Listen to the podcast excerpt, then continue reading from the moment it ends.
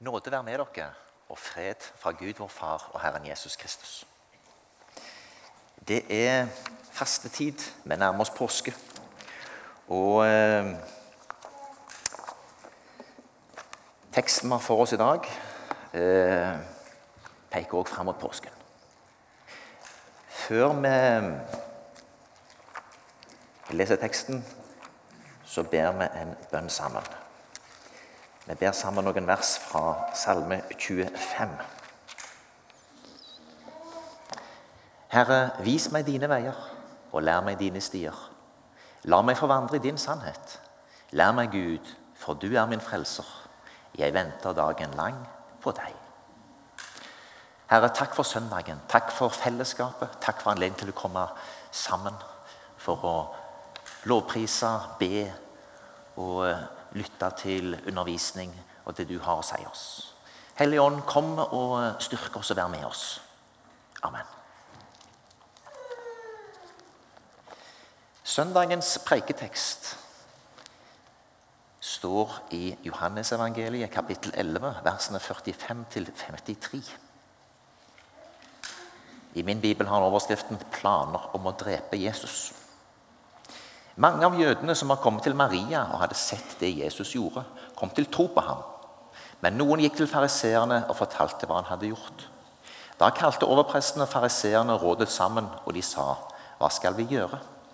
Denne mannen gjør mange tegn. Lar vi ham holde på slik, vil snart alle tro på ham. Så kommer romerne, så kommer romerne og tar både det hellige sted og folket vårt. En av dem, Kaifas, han som var øverste prest det året, sa da dere skjønner ingenting. Dere tenker ikke på at det er bedre for dere at ett menneske dør for folket, enn at hele folket går til grunne. Dette sa han ikke av seg selv, men da han var øverste prest det året, talte han profetisk om at Jesus skulle dø for folket. Ja, Han skulle ikke bare dø for folket, han skulle også samle til ett de Guds barn som er spredt omkring. Fra denne dagen la de planer om å drepe ham. Fastetida er ei tid for ettertanke, bønn, forberedelse til påske. En tid for på en spesiell måte å fordype seg. Og avstå fra noe for å oppnå noe annet. Jeg vil utfordre dere til å prøve å vri på vanen deres i fastetida. Det er noe med å avstå fra noe for å kunne søke noe annet. Hvis det kan bli noe som gjør at vi får mer tid til bønn, bibel, et bønne- eller bibelfellesskap sammen med noen andre, så er det en god ting. Det er godt å vri litt på vanene våre. De binder oss av og til, og det er godt å i faste tider kunne grunne på dette, hvilke vaner som binder oss. Denne søndagens tekst forbereder oss òg på påskebudskapet. Den setter oss på sporet og bygger opp mot påskens drama. Og hva er det som har skjedd i forkant av denne teksten? Jo, Jesus har vekt Lasarus opp fra de døde. Å vekke noen opp fra de døde er spektakulært, overnaturlig og vise at en har, en, ånd, at, uh, at en har en åndelig kraft som er helt særegen.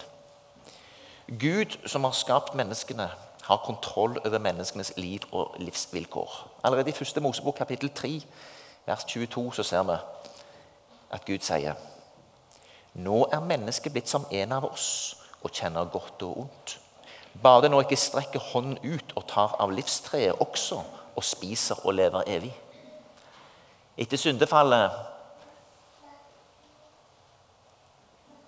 så gjør Gud menneskene forgjengelige. De skal ikke leve evig. Videre ser vi i 1. Mosebok kapittel 6. Herren sier, Min ånd skal ikke alltid, for ikke for alltid bo i menneskene, for de er bare svake skapninger. Deres levetid skal være 120 år. Gud er altså den som setter grenser for menneskenes liv. Og da på andre siden, Hvis noen kunne vekke opp en person fra de døde, så tenker en fort at denne personen er i kontakt med Gud, eller kommer fra Gud. For Gud har makt over liv og død. Det har han vist oss veldig tidlig i Bibelen. I de første seks kapitlene så har vi altså fått ramma inn både at Gud skaper Han skaper menneskene. Menneskene velger sin egen vei som et brudd med Guds gode vilje. Og konsekvensen er at vi blir forgjengelige, og at det settes grenser for vårt liv.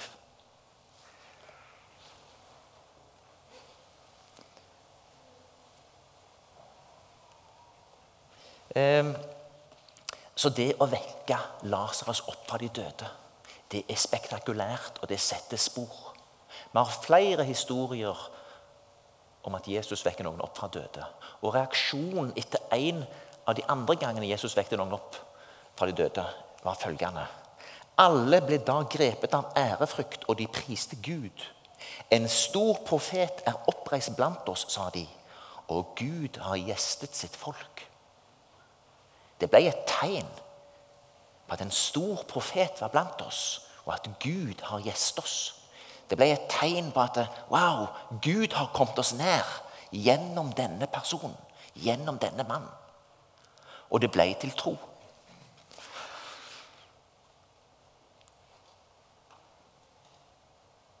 Som nevnt, Å vekke opp Lasarus fra de døde var ikke den eneste gangen Jesus ga noen livet tilbake. Den reaksjonen som eh, jeg nettopp eh, beskrev, den fulgte av det som vi leser i Lukas 7, om at Jesus vekker opp sønnen til ei enke i byen Nain. En by som ligger litt sør for Nasaret. Og så interessant, Denne historien står bare i Lukas. Historien om at Jesus vekker opp Lasarus, står bare i Johannes. Men at Jesus vekker opp datteren til synagogeforstanderen Jairus i Kapernaum, det står både hos Matteus, Markus og Lukas. Og så er det interessant. I Markus, etter at Jesus har vekt opp Jairus' datter, så sier Jesus eller Han bød dem strengt å la noen få vite dette, og ba ham gi henne noe å spise. Han ville ikke det skulle komme ut. Det seig nok ut allikevel. Og når han var i Nain, så var det åpent, og folk uh, priste Gud for det. Og det kom altså ut et rykte over hele Jødeland om dette. Men det er et lite poeng her. Det var tre dagsreiser å gå fra området i Galilea til Jerusalem. Ca. 150 km. Fem mil til dagen. Eh, når Jesus vekker opp Lasarus, så skjer det tre kilometer fra Jerusalem, i Betania. I min forberedelse til denne preken har jeg faktisk også eh, eh, funnet ut hvor langt et menneske går per sekund. Det, vi går 1,3 meter per sekund. Um, hvis du er sånn, Nå er du rundt 30 år. Jeg er 55 i går selv, så det er ikke så langt. Men det er så. Um, men da går du ca. 4,7 km i timen. Og Betania ligger da 38 minutter fra Jerusalem hvis du går 1,3 meter i sekundet. Så når Jesus gjør at under 38 minutter fra Jerusalem, så går det ikke lang tid, for dette er en stor sensasjon. Og det er rett før påske, og folk begynner å komme til påskehøytiden. Så dette er svært. Uten sammenligning for øvrig, dere vet hvordan det er. Hvis det hadde vært et voldsomt regnskyll der borte i Oslo, så er det et par sånne underganger under en vei er fulle av vann, så ser vi det på TV. Så sitter vi her vestlendinger og liksom himle. Herlighet. Når det skjer der borte, da kommer det på TV. Men når det skjer hos oss, er det ingen som bryr seg. Vi kjenner jo den. sant? Litt det samme blir det jo her. Det skjer veldig nær Jerusalem, dette. Dette underet som Jesus gjør nå med Lasarus, det får store konsekvenser. Det skjedde i åpenhet. Det har skjedd veldig nær Jerusalem. Fariserene får vite det rimelig fort. Og veldig mange folk som kommer til Jerusalem og skal feire påsken, får høre om dette. Dette blir ei svær greie. Og Det er på den bakgrunnen vi må forstå det som skjer videre i teksten vår. For Det som står her, er da altså først at mange av jødene som var kommet til Maria, og hadde sett det Jesus gjorde, kommer til tro. Det blir litt den samme reaksjonen som vi så der i eh, Nine. De ble grepet av ærefrykt, priste Gud. En stor profet er oppreist blant oss, og Gud har gjestet sitt folk. Du tar det inn, du ser det store som skjer, og det blir til tro. Mange kom til tro. De så underet og trodde på det, og de trodde på han som hadde gjort det. En litt annen fortelling har vi etter at Jesus hadde stått opp fra de døde. Så vil Thomas ikke umiddelbart tro før han får se det. Og så får han se det og får stikke hånda i sida og får se naglemerkene. Og sier 'Min Herre og min Gud'. Da sier Jesus til ham, 'Fordi du har sett meg, tror du, salig er de som ikke ser, og likevel tror'. Men uansett, det er trosstyrkende å erfare noe spektakulært, noe spesielt. Det er fint å få oppleve underet. Det er fint å få oppleve at Gud kommer nær på en helt spesiell måte. Jeg tror han har gjort under i de fleste av oss sitt liv. Problemet for oss mennesker er at vi jo glemmer det så fort. Vi glemmer de store og de små undrene. Vi glemmer, glemmer det helt fantastiske han stadig gjør i vårt liv. Vi har en tendens til å overfokusere på de voldsomme hendelsene. Men Gud gjør store og små under i våre liv hele tida, det må vi takke for. Det òg er tro. Å se disse tingene og dvele med dem og være takknemlige for det lille han gjør, som ingen andre ser og forstår, men som vi, som kan få leve i et, i et livsfellesskap med han, kan anerkjenne. Og så er det på den andre sida slik, som vi også ser her. Store ting kan skje, og allikevel så berører det ikke. Eh, og det ser vi òg her. Men noen gikk til fariseerne og fortalte hva han hadde gjort.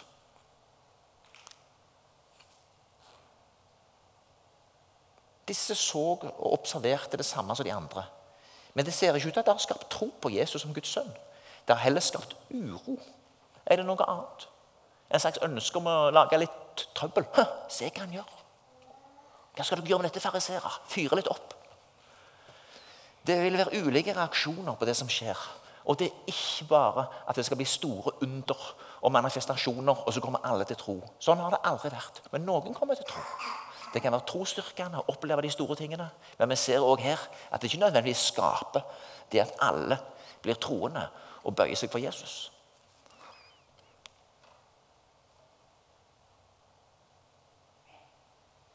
Da kalte overpresten og fariseerne rådet sammen, og de sa, 'Hva skal vi gjøre?' Nå er det kommet for nært. De har jo hørt ryktene om det som har skjedd der oppe i Galilea. Men nå har det skjedd på dørterskelen deres, i Betania. Tre kilometer, 38 minutter fra hovedstaden. Dette her, dette her begynner å få voldsomme dimensjoner. Nå må vi gjøre noe. Nå er det nok. Vi har latt han gå her lenge nå, og mange følger han. Men nå har dette kommet veldig nært. Vi må handle. Hva skal vi gjøre? Denne mannen gjør mange tegn. Hvis vi dveler litt med det, hva skal vi gjøre med denne Jesus? Det er jo et spørsmål til oss alle. Hva skal vi gjøre? Hvordan forholder vi oss til han? Vi har jo den der boka der det står mye av han. Det finnes disse kristne fellesskapene. Han har sendt oss sin ånd, sin hellige ånd. Vi kan åpne opp og tro, eller vi kan la være. Eller vi kan ut av motstand, som det ser ut for, for eh, de skriftlærde her vil gjøre. Lar vi ham holde på slik, vil snart alle tro på ham. Så kommer romerne og tar både det hellige sted og folket vårt. Det var tydelig at Jesus sine undergjerninger skapte uro om at den maktbalanse som her fantes, kunne bli rokket. Hvor reelt det var at romerne ville komme og ødelegge, det vet vi jo ikke. Du kan si en del ting av og til for å fyre litt opp, for å ta litt action. Det kan være helt andre beveggrunner. Men du dytter fram den, og så høres det veldig fint ut. Vi gjør bare en god gjerning. Vi berger tempelet, vi berger vårt jødiske, vår jødiske kultur. Denne mannen kommer til å ødelegge det hvis ikke. Men under det så kan det jo bare være ren misunnelse fra det religiøse establishment. Som så at denne fornyelsesbevegelsen som var på gang, der var ikke de midt i sentrum. Noen sluttet seg jo til etter hvert. Nikodemus gjør det. Andre gjorde det. Men brorparten av fariseerne, de skriftlærde, gjorde ikke det. De følte seg utfordra.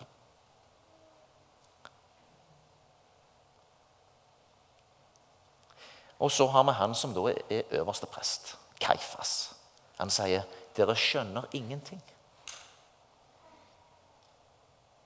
Dere tenker ikke på at det er bedre for dere at ett menneske dør for folket, enn at hele folket går til grunne.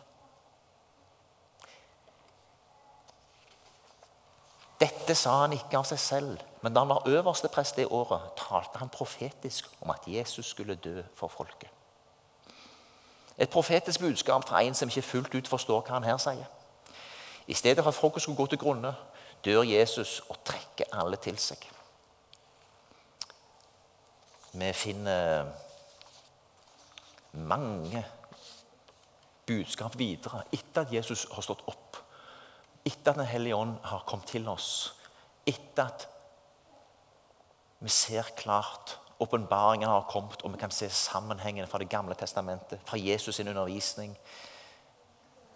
Så ser vi da dette klarere. Paulus skriver i, i, først, i 2. Korinterbrev kapittel 5 fra vers 14b. Vi vet at en er død for alle. Derfor er de alle døde. Og han døde for alle, for at de som lever, ikke lenger skal leve for seg selv, men for ham som døde og stå opp for dem. Han døde for alle, sier Paulus. Og vi finner mange parallelle vers om dette. Han ene som dør for alle.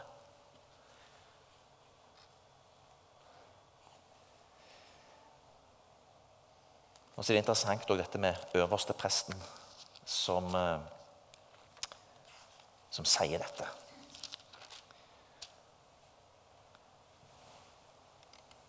For eh, det er jo da sånn at eh,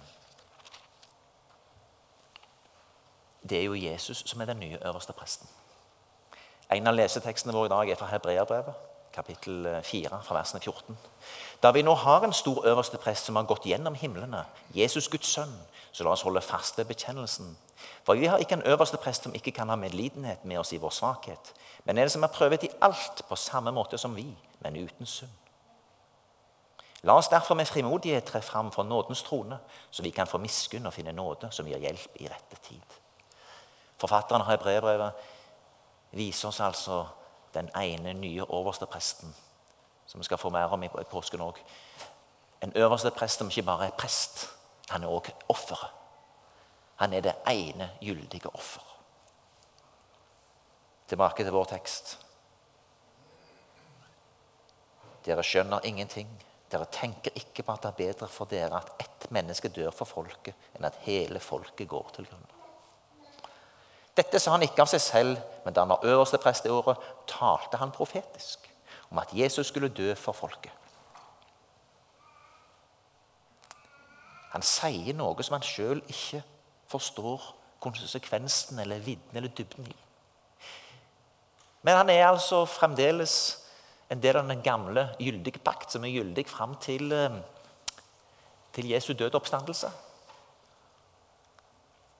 Og Gud, hinter Johannes om, lar Kaifas i kraft av sin rolle være en som taler profetisk.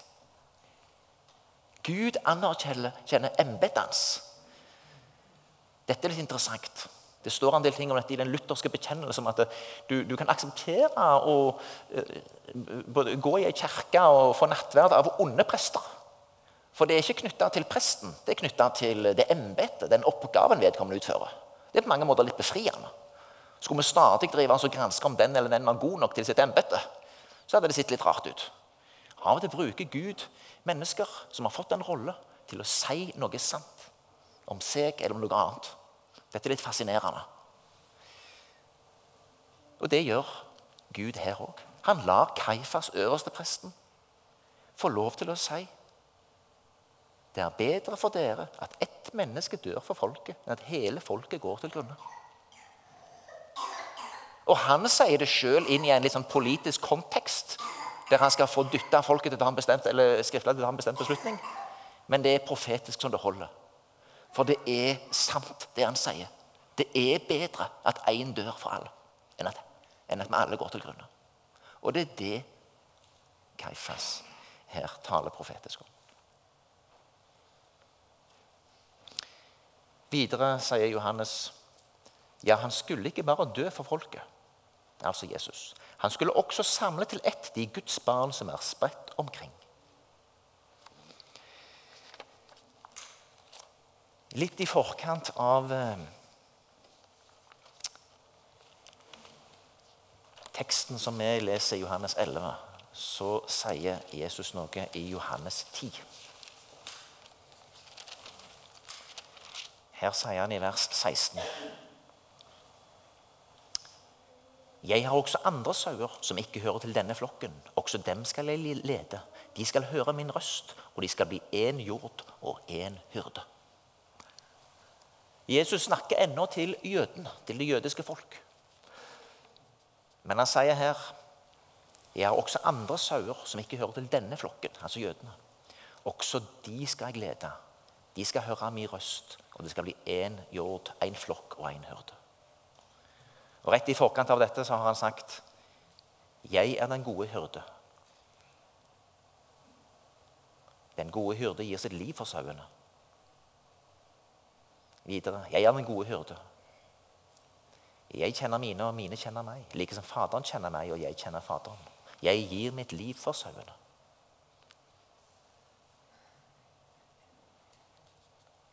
Det vi ser her, er fra det som Johannes sier. Han skulle ikke bare dø for folket. Han skulle også samle til ett de Guds barn som er spredt omkring.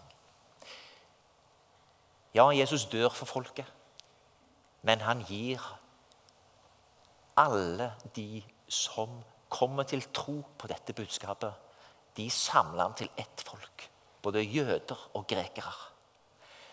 I Esekiel i kapittel 34 eh, så står det eh, fine ting om eh,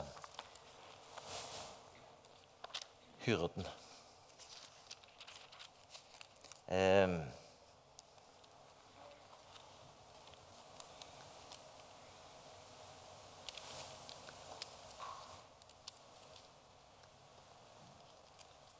vers 23. Jeg vil sette en hyrde over dem, min tjener David, som skal gjete dem. Han skal gjete dem og være deres hyrde.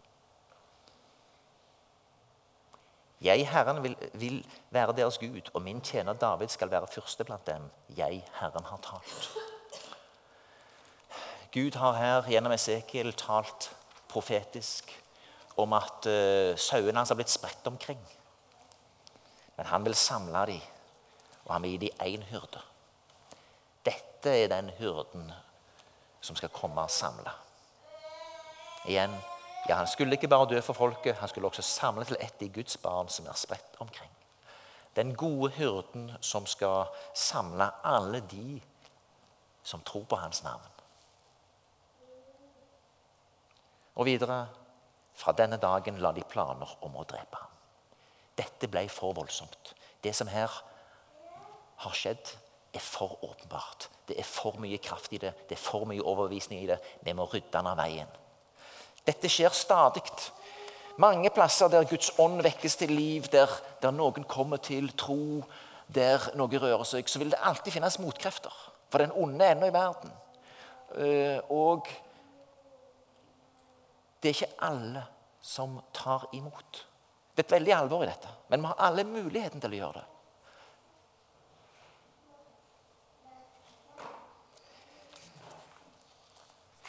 Men for noen blir det da altså det motsatte. Det blir altså til eh, at de aktivt motarbeider Jesus. Og det er det et veldig alvor i.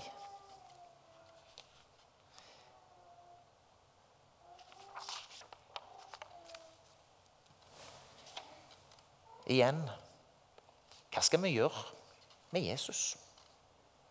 Skal vi fjerne fra våre liv, eller skal vi la oss påvirke av han? Skal vi plassere oss slik at uh, vi kan se de tegn under som Jesus faktisk gjør? Slik at vi kan se, forstå og tro. Enkelte ganger er det litt sånn gjennomsnittlig og rolig i den enkelte sitt liv. Andre ganger er det storm, andre ganger er det stor jubel. Midt i dette får vi lov til å være troende som får lov til å, til, til å ha vår tilflukt i Han. Vi hviler i ordet, vi hviler i bønnen, vi hviler i fellesskapet. Vi hviler i løftene som han har gitt oss. Hva skal vi gjøre med Jesus? Dette spørsmålet går til alle mennesker. Som en del av en misjonsbevegelse så vil vi gjerne fortelle om Jesus. Den gode hyrden som vil trekke alle til seg, som vil inn og ta bolig hos den enkelte. Som vil fylle personligheten og tilværelsen for hver enkelt av oss. Han vil samle alle de Guds barn som er spredt omkring. Vi er alle skapt i Guds bilde. Vi kan alle bli Guds barn ved å bekjenne Jesu navn. Vi kan alle invitere Jesus inn i vårt liv. Og Vi kan stille oss likegyldige, betrakte han på avstand, vi kan motarbeide han, eller vi kan bevege oss mot han. Vi står på ulike steder, vi har ulike livshistorier, men vi har alle mulighet til å fra i dag av rette blikket mot Jesus, bevege oss mot han og bli bedre kjent med han. Kanskje vi i fastetida skal dvele med dette. Gi Jesus enda større rom i vårt liv. Bønnen, Bibelen, fellesskapet, nattverden. Her vil jeg gjerne bare hinte om noen muligheter framover som vi legger til rette for eh, på ulike vis i, i, i uh, ulike kristne fellesskap. Um, onsdag 29. mars så kan du komme her i Salem uh, på to samlinger. Både klokka seks og klokka halv åtte. Så vil vi ha eh, samlinger der vi ber sammen. Faste bønner, frie bønner. Vi leser noen tekster. Kan hende synger vi sågar. Vi søker Gud. Jeg tror at det å være utholdende i bønn og legge til rette for gode vaner rundt bønn er viktig. Takk til alle dere som ber. Takk til alle dere som ber i hjemmet deres, i det lille bønnefellesskapet dere har, i smågrupper deres. Ulike arrangerte samlinger for bønn. Vi har samling her på onsdagene klokka halv åtte. Takk til dere som er der.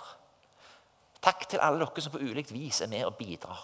For jeg tror at utholdende bønn, gode vaner i bønn, er særdeles viktig. Mitt hus skal være et bønnens hus, sier Gud i Det gamle testamentet. Det er viktig. Mitt hus skal være et bønnens hus, og må legge, må legge til rette for at det er det. Onsdag 29. mars kan du være med og be Eh, her i Salem sagt, i flere samlinger. Og Hver onsdag klokka halv åtte går det an å komme hit og be. Men vi begrenser det ikke til det. Bønn er noe som lever i oss. Bønn er noe som vi kan ha med oss hele tida. Som noen sier Bønnen er pust, og Guds ord er mat. Bønnen er pust, og Guds ord er mat. Du kan puste bønn hele tida.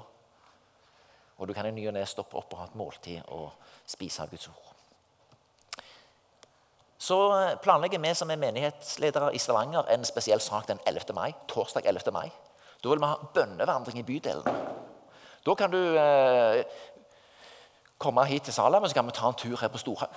Eh, men du kan òg være med i det lokale fellesskapet eh, eller nabolaget der du er, og ta noen eh, turer i ditt nabolag, individuelt eller sammen med noen andre. Sammen fra, fra denne forsamlingen eller fra andre forsamlinger. Så vil vi samles i Kampen kirke på kvelden og dele litt. Vi ber for Stavanger. Så vil jeg ellers minne om samlingene som vi skal ha i Misjonssambandet senere i vår. Lørdag 4. juni er det regionmøte for vår misjon. Misjonssambandet Region Sør-Vest. Jeg opplevde samlingen som var med på der i fjor, som veldig inspirerende. Da var vi i salen vi arrangerte. Sett av lørdag 4. juni og bli med Misjonssambandet Region Sør-Vest på årsmøte, eller regionmøte i IMI. Så har vi UL 11.-15. juli. Det foregår òg i IMI. Skulle egentlig vært der borte i Oslo Convention Center. Ble ikke helt enige om en avtale. Litt fort er det blitt flytta til IMI. Støtt det i bønn. Jeg vil gjerne be dere så mange som mulig Be for UL, be for ungdommens landsmøte. Be for at de må få ledere. Be om at eh, Guds ånd må være til stede og gripe de unge. Og Har dere anledning til å være med på noe frivillig der? 11.-15. juli? Vær så god. Takk skal dere ha. Og så har vi òg et stort arrangement som var i Oslo i juni i fjor. Men som nå ble spredt på flere byer på litt mindre geografiske samlinger. The Send en uh, særegen konferanse eller en samling for å mobilisere unge til misjon. Men ikke bare unge. Her i Stavanger satser på at det skal bli en mobilisering for alt Guds folk. Lørdag 10. juni i IMI. Nå var jeg samla sammen med 23 menigheter og 60 mennesker på tirsdag. Og de var så oppglødde. Mange fortalte om at de opplevde i sammenhengene sine at særlig de helt yngste de er på sånn 15-17 år. Så ga han etter 13 år. Og de eldre på, på, på 70 pluss de opplevde flere plasser at mange av de hadde liksom fått ting fra, fra, Gud og ble trukket mot en dypere lengsel til å gå dypere sammen med Jesus. Eh, og så sier de, og så håper vi at vi på desent kan, kan trekke med oss alle i midten. Det er jo fantastisk hvis det kan skje.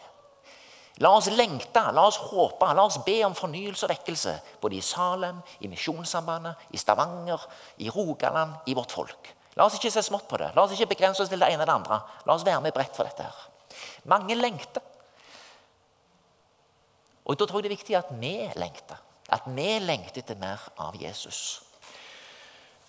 For eh, det er litt sånn også, det må vi bare si, det går an å stille seg helt på sida og si at ja, men det som skjer der, angår ikke meg. Men faren er at vi da ligner mer på de som sprang til fariserene, enn de som begeistra så hva Jesus gjorde. La oss være de som lengter til å se mer av det Jesus gjør. Om han gjør det her eller der, så stresser vi ikke det. Vi gleder oss over det, men la det styrke vår tro.